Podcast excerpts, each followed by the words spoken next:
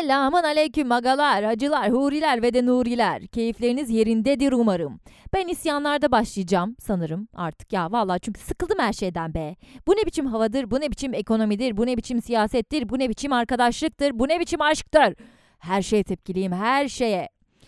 Bu ara alttan alttan biraz depresyondayım sanırım. Yani bazen bunu fark ediyorum. Depresyon dediğimiz şey de tabii ağzımıza pelesenk ettiğimiz, kendimizi en ufak modsuz hissettiğimiz, modsuz hissettiğimiz anda söylediğimiz bir kelime haline geldi. Evet biliyorum ama eh, eh, ondan değil yani. Ay hiç modum yok dediğim noktada değilim. Kendimi şöyle biraz uzaklaşıp belli bir süremi izlediğimde geçmişimdeki diyorum ki kız, kız diyorum sen depresyondasın canım benim. Depresyon nedir? Bunu incelediğimiz bölümümüzde mevcut merak edenler onu dinleyebilirler. Depresyonda olmak acınası bir şey değil ama gıcık bir şey. Zaman gerekiyor düzelmek için ve sağlıklı hale gelmek için. Reçete belli aslında tamam mı? Özellikle minor, de, minor depresyonda olanlar için. Beslenmene dikkat edeceğim. Majörde de önemli zaten bu beslenme. Modunu düşüren şeylerden uzaklaşacaksın falan fişman işte. Bunları yap, kesin düzelirsin diye bir şey yok tabii. Bir çaba sarf etmen gerekiyor. Öyle bir iki günde değişecek diye bir şey yok. Ay iki gün salata yedim hala kötüyüm. Hani beslenmeye geliyordu? Böyle bir şey değil depresyon. Bunu konuşmuştuk zaten.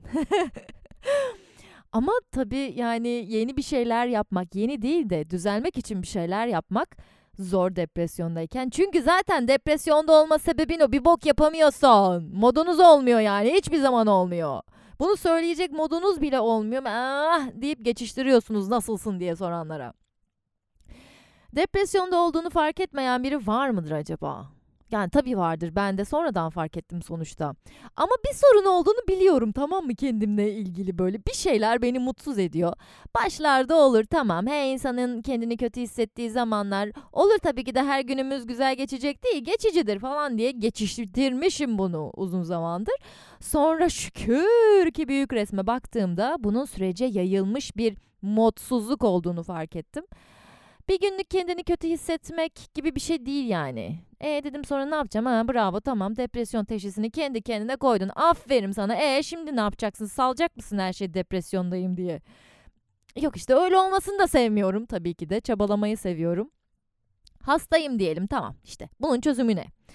Bedenimizde çıkan çoğu hastalık için mesela doktora gidiyoruz, tanı koyuluyor, ilaç yazılıyor ve o ilaçlarla iyileşiyoruz. Sonra hop bir daha aynı hastalıktan veriyoruz. Bravo, tebrikler. İlaçlar mükemmel işe yaramış gerçekten. Ama ne zaman bir doktor bana o hastalığı nereden nasıl kapmış olabileceğimi söylediğinde ben bir daha o hastalığı yaşamamak için ona dikkat etmeye başlıyorum özellikle. Pandemi zamanı Sağlık Bakanımızın müthiş bir tespiti vardı. Covid'in en büyük tedavisi ona yakalanmamak diye. Aslında bu var ya mükemmel bir tespit, süper bir tespit. Nasıl bulaştığı hala bile belli olmayan bir hastalığa yakalanmamak tabii tam bir muamma şu an hala ama olsun. En azından çoğu hastalık için bunu uygulayabiliriz. Mesela akciğer kanseri olmak istemiyorsan sigara içmeyeceksin arkadaşım. Bu seni kesin olarak kanserden koruyacak mı? Elbette hayır. Çünkü her hastalığın birden fazla sebebi var. Ama önlemini almış olacaksın kendince. Sigara içersen kanser olacaksın diye bir şey var mı? Yo, hayır. Böyle bir kesin yargı da kullanamayız ama önlem alabiliriz. Depresyona da aynı muameleyi göstermeliyiz diye düşünüyorum. Ben en azından kendimde bunu deniyorum yani. Hatta ilaç kullanmadan duygu durum değişikliği çalışmalarıyla üstesinden gelebilme ihtimaliniz de var depresyonunuzun büyüklüğüne göre tabii ki de. Şöyle bir handikapı var. Zaman istiyor, istikrar istiyor, sabır istiyor. Her dibe vuruş aslında daha emin adımlarla yukarı tırmanmak için bir şans. Vurdun çünkü dibe yani daha gidecek bir yerin yok. Ben her zaman kendimi kötü hissettiğimde bunu düşünüyorum. İyi bari yükseleceğiz bundan sonra diyorum ama uzun süre o dipte böyle bir debeleniyorum. Çamura batıyorum işte elimi yüzüme her yerimi debeleniyorum. Köpekler debeleniyorlar ya böyle çamurun içinde. Onun gibi o karanlığımda debelenip duruyorum. Ama hayat bir şekilde devam ediyor be. Sen kendini kötü hissetsen de, mükemmel hissetsen de hayat devam ediyor kendi kafasına göre. Ve böyle düşününce de mana manasız geliyor her şey. Ben minik bir bokum lan diyorsun yani. Ne, neyim ki ben yani? Benden ibaret değil ki hayat. Niye bu kadar çabalıyorum o zaman diyorsun. İstemediğim bir işi yapmak zorunda olmam niye? Sevmediğim kişilerin yüzüne gülmeye çalışmam niye? Kimseyle aramın bozulmasını istememem niye? Aman kimse kırılmasın diye uğraşmam niye lan niye? Tabii hepsinin herkese göre kendince cevabı var.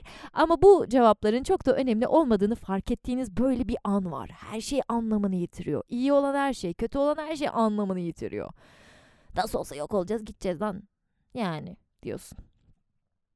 Benim için önemli olan özde iyi ve dengeli bir insan olmak. Böyle durumlarda kendime bunu hatırlatıyorum. Bu hayatı en verimli şekilde yaşamak istiyorum. Bu amaç doğrultusunda da donum sende kalmış. La sizlerin de hayatlarına bir şeyler katabiliyorsam ne mutlu bana. Çünkü o vesileyle başlamıştım bu podcast'te zaten. Beni mutlu eden şeylerden biri de çünkü bu paylaştıklarımla, podcastlerimle zihninizde farklı kapıların açıldığını söylemeniz. Paylaşın programlarımı bebişlerim. Daha fazla kişiye ulaşalım. Valla en yakınım bile bazen beni dinlemiyor, podcastlerimi dinlemiyor ve garip garip ilişki taktikleriyle bana geliyor artık susuyorum yani bunların karşısında. Hele de psikolog ünvanını kullanarak ilişkiler hakkında insanları yönlendirenler yok mu? Ay ve bunlar inanılmaz popüler çok şaşırıyorum. Her sözleri yanlış değil elbette yani bunu söylemek haksızlık olur ama yani hiç tasvip etmiyorum ya taktikli kandırmacalı ilişkileri. Siz kendiniz olduğunuz için karşınızdaki sizi zayıf, kullanılabilir görüyorsa aman zaten o kişi hayatınızda olmasa da olur ya. Her sağlıklı ilişkinin temelinde sağlıklı açık bir iletişim var dedikçe diyorlar ki gizemli olun. Ya bir git. Sürekli bir hesap peşinde olmak yorucu değil mi? Hayattan istediğiniz bu olabilir. Biri sizi yedirsin, içirsin, gezdirsin, şımartsın. Bunu yapmayı seven biri de olabilirsiniz ve Böyle birisini de bulabilirsiniz. İlişki dengenizi ona göre kurarsınız. Ama bana bunda yanlış bir şeyler var gibi geliyor. Ben çünkü kendi gözümle görüyorum. Kendi ilişki isteğimle bakıyorum. Aşk çok hızlı alıştığımız bir duygu ve buna alıştıktan sonra bu ilişkiyi devam ettirebilmek için benim aradığım şey mesela konuşabilmek, açıkça iletişim kurabilmek. İhtiyacım olduğunda partnerim yanımda olsun isterim elbette. Gezdirsin, yedirsin, içirsin. Tabii lan. Ama şu erkeğin görevi, bu kadının görevi denilen şeyler bana inanılmaz saçma geliyor. Kadın alıcıdır, erkek vericidir. Mem mem mem me. Niye o zaman bir kadın seks yaptı erkek için ben ona verdim diyor lan?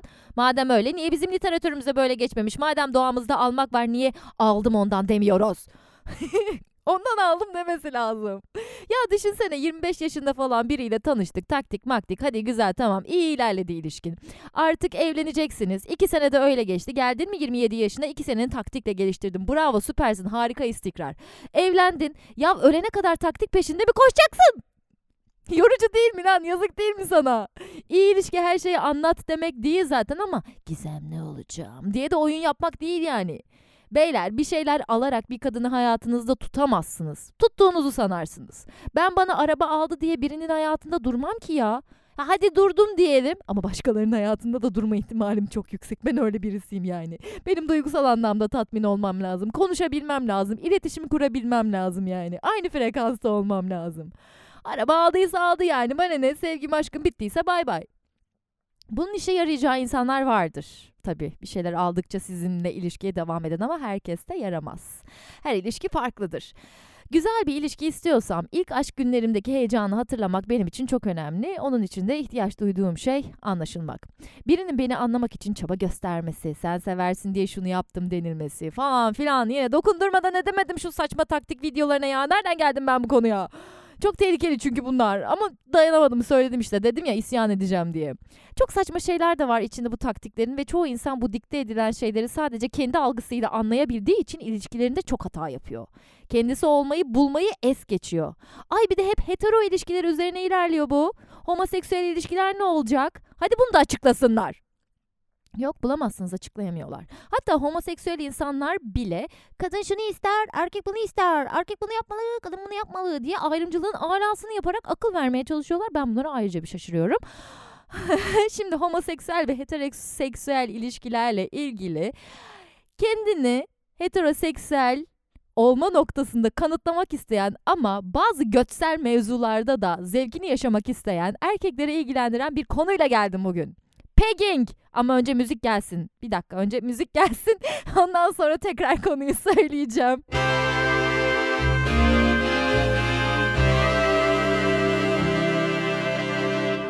Pegging! Şimdi oldum. Birçok kişi bunu duymamış olabilir bu terimi. Benim için de uzun zamandır bildiğim bir terimdi diyemem. Bunun bir isminin olduğunu da bilmiyordum. Her şeyi bir tanım bulma çabamızı ben gereksiz buluyorum. Olayın ne olduğunu özünde bilsem de bunun için özel bir isim konulması bana çok saçma gelmişti ilk duyduğumda. Pegging, yapay penisle penetrasyonu sağlayarak birlikte olmayı ifade ediyor. Seks birlikteliğinden bahsediyoruz tabii ki de. Yani doğuştan gelen bir penisin yoksa yapay penis, stropon kullanarak farklı bir fantezi yaratabilirsin cinsel yaşamında. Bu terim ilk çıktığında bir kadının stropon takarak erkek partneriyle anal ilişkiye girmesi olayını temsil ediyormuş sadece. Sonradan biraz daha genişletilmiş işte. İki ayrı hususta incelemek istiyorum pegging aktivitesini. Biri lezbiyen ilişkilerde, biri hetero ilişkilerde. Lezbiyen ilişkilerde pegging daha normalmiş, ilişkinin normali buymuş gibi hissettirebiliyor. Olmak zorunda değil ama herkesin cinselliği kendine.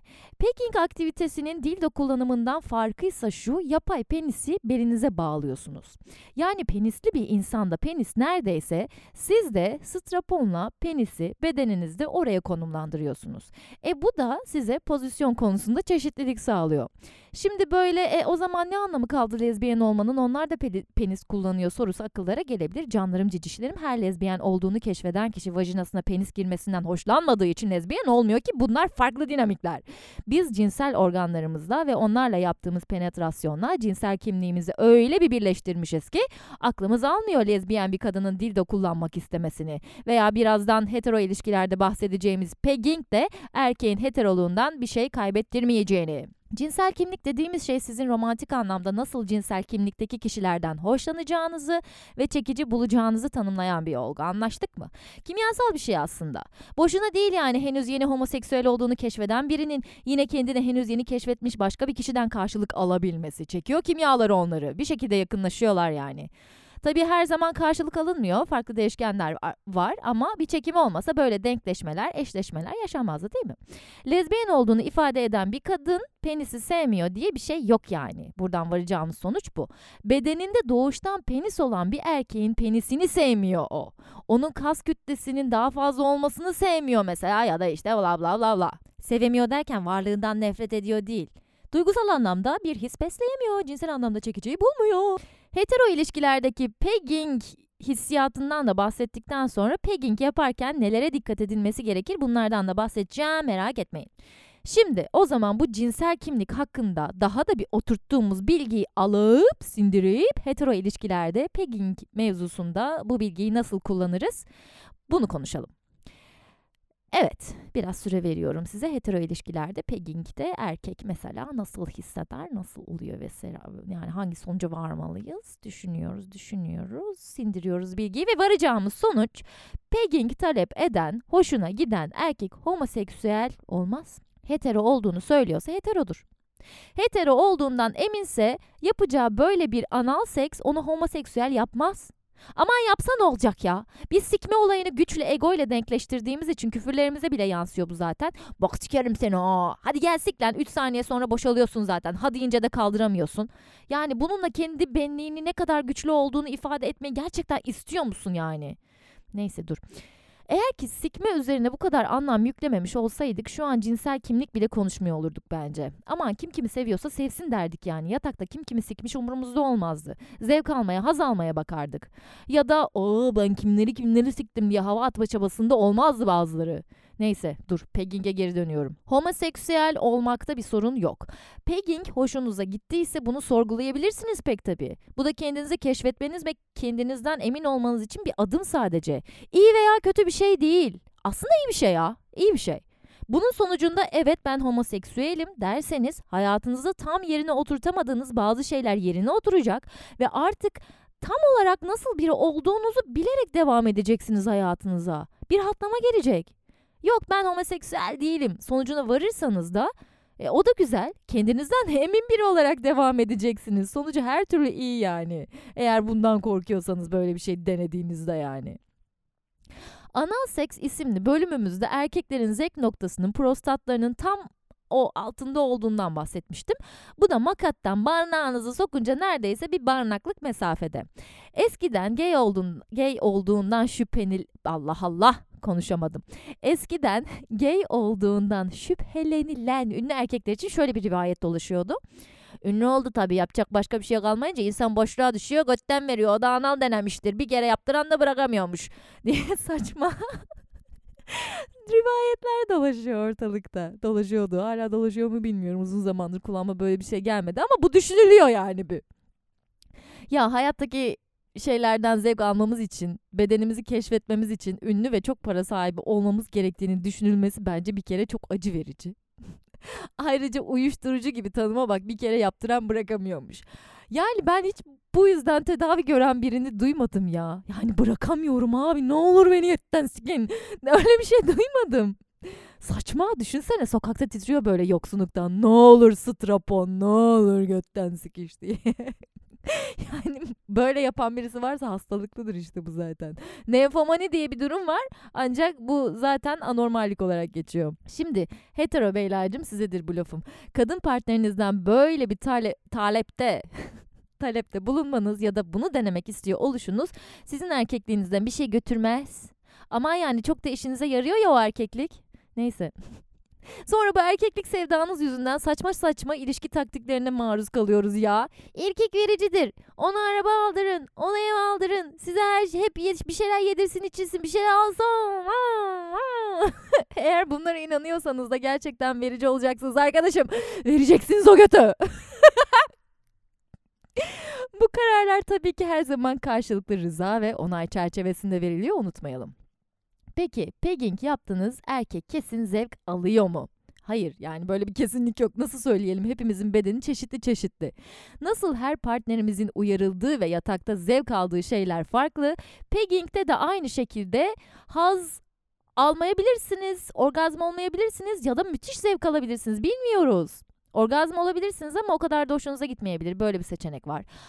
Haz alabilirsiniz ama orgazm olmayabilirsiniz. Böyle bir seçenek var. Garip biliyorum ama her orgazm beraberinde haz getirmiyor. Ee, sırf yapmak için yaptığınız mastürbasyonları düşünün mesela onun gibi. Stroponu takan kadın orgazm olur mu peki pegging sırasında? Şimdi bazı kadınların sürtünmenin dahi olmadığı pozisyonlarda orgazm oldukları bilgisi dolaşıyor ortalıkta. Bana imkansızmış gibi geliyor. Yani eğer öyle bir şey varsa umarım yaşarım. Dokunmadan düşünsene müthiş. Ama bana dokunmak şartmış gibi geliyor bilemiyorum.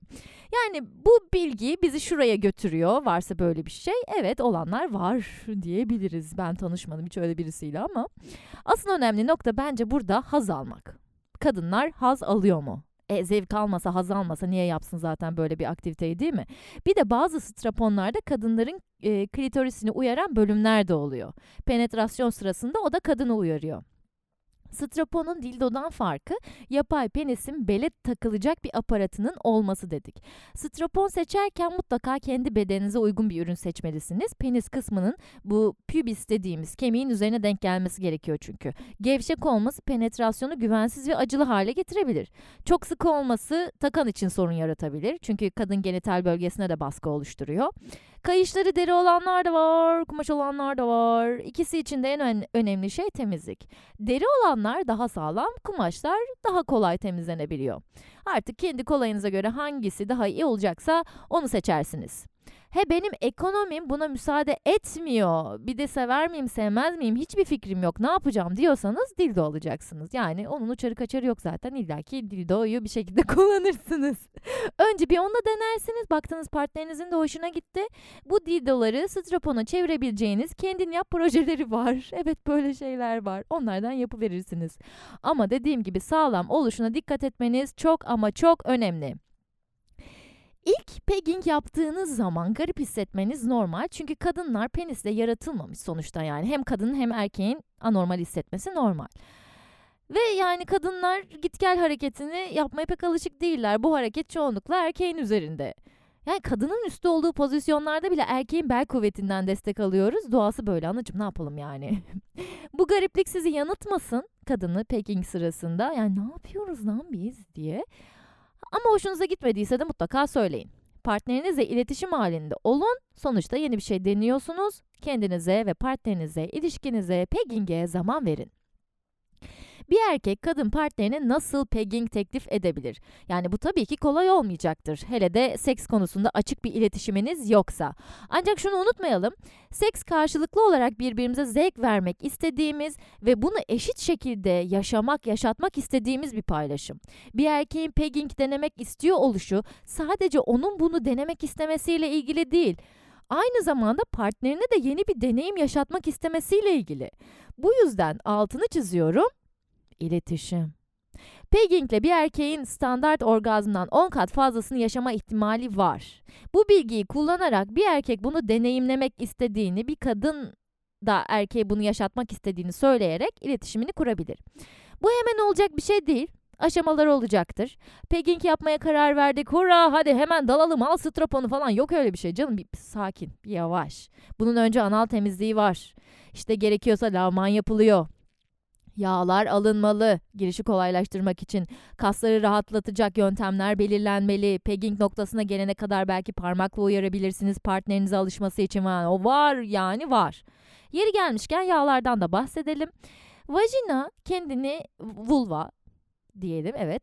Kendini ilişkiye hazırlayabiliyor ancak makat böyle değil. Çok daha özen istiyor. Özel yağlar kullanmanız gerekiyor. Kuru olursa çünkü zarar görür deriniz. Hiç gerek yok böyle şeylere. Nazik nazik yağlarınızı kullanın. Bunların doğal olmasına özen gösterin. Sonuçta vücudunuza sürüyorsunuz. Sağlık çok önemli çok önemli. Ağzım alışmış. Eğer bunun için özel ve doğal bir yağınız yoksa Uzmanlar Hindistan ceviz yağını öneriyorlar. Ben kendi e, vulva sağlığım için de kullanıyorum. Her ay yaşadığım mantara çok iyi geldi. Uzun bir süre mantardan çok çektim. Ve Hindistan cevizi yağı kullanmaya başladığımdan beri mantar için hiç ilaç kullanmadım. Dur bakayım ba- bayağı bir senedir, aynen bir senedir falan mantar ilacı almadım aynen süper. Sağlık tavsiyesi değildir. Doktorunuza danışın mutlaka tabii. Erkekler eğer anal seksten hoşlanan bir kadın partnere sahipse pegging talebinde bulunmak çok daha kolay olacaktır diye düşünüyorum.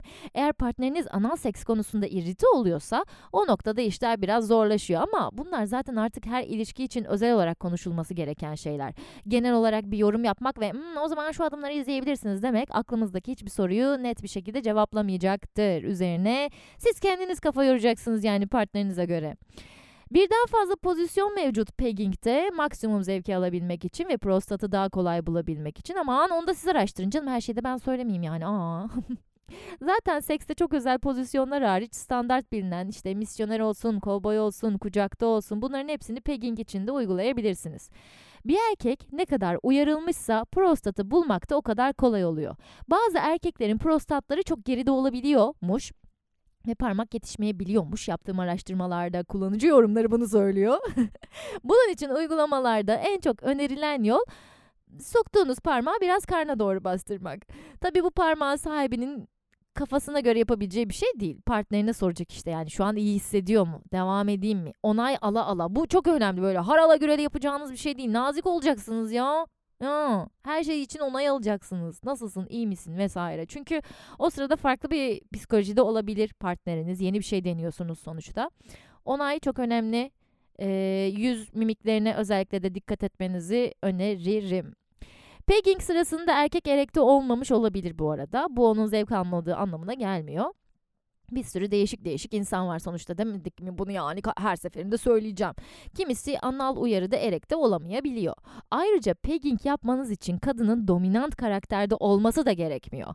Bu aktiviteyi gerçekleştirirken gayet böyle aşk ve sevgi dolu ilerletebilirsiniz seksinizi. Ama işte sikme işini biz hep bir oh, güç bende artık benim olacaksın olayına çevirdiğimiz için öyle bir algı oluşabiliyor ama bu doğru değil bunu yıkmaya çalışıyoruz. Pegging de kadın erkek rolüne erkek erkek de kadın rolüne girmiyor. Böyle bir zorunluluk yok. İsterseniz girin tabii yani o da ayrı bir fantezi de hali hazırdaki erkeklerinizi ve kadınınızı koruyabilirsiniz. Eğer ilk defa pegging yapacaksanız bunu pornolardan izlememenizi tavsiye ederim. Feminist kadın porno yönetmenleri filmlerine bakabilirsiniz. Ancak diğer bu işte bu gerçek olma ihtimali olan istismar aşağılama içeren pornoların bulunduğu sitelerdekine bakarsanız bırakın peggingi seksten soğuyabilirsiniz. Erika Last isimli yönetmeni önerebilirim size bu konuda. Kendisi mesleği porno oyunculuğu olmayan insanları seçiyor genelde. Bu da daha doğal yapıyor her şeyi. Gelelim pegging kelimesine. Bu kelime nereden çıkmış? Dan Savage, doğru okudum umarım, 2001 senesinde kadının strapon kullanarak erkeğe anal seks yapması olayını anlatmak için uygun bir kelime olmadığını fark ediyor.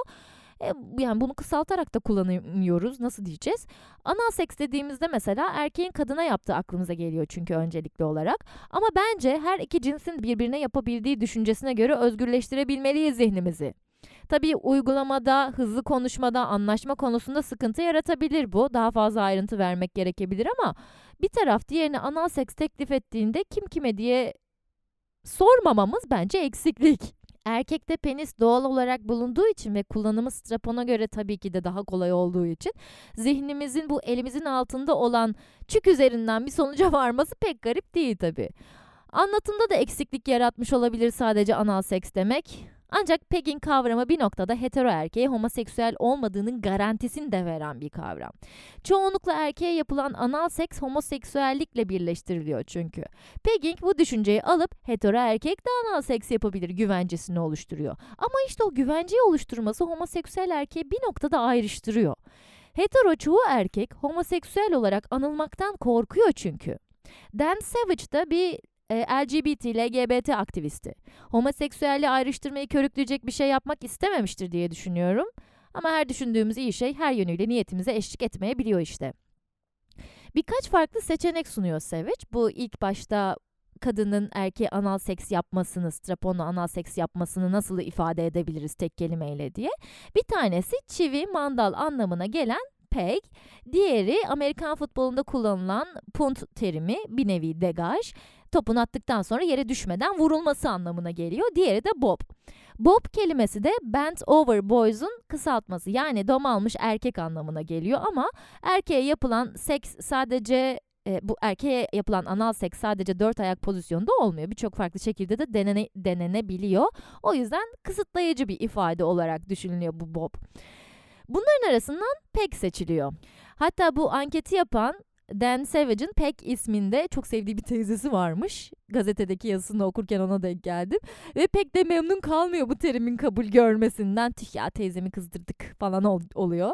Ama insanlar bunu istemiş işte ne yapalım diyerek Peck önerisini kabul ediyor.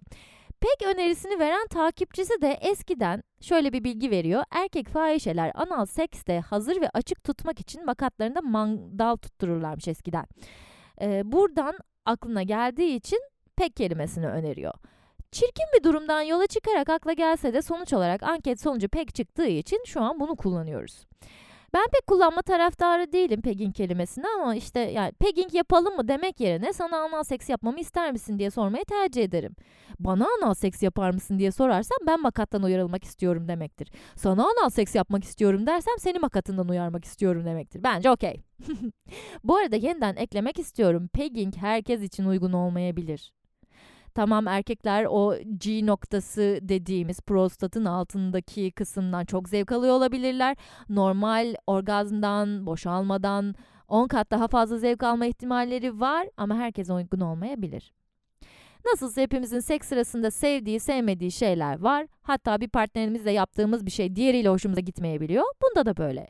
Sekste bir şeyi sevmiyor oluşunuz sizi eksik yapmaz veya seviyor oluşunuz sizi yatakta daha eğlenceli, daha yetenekli yapmaz.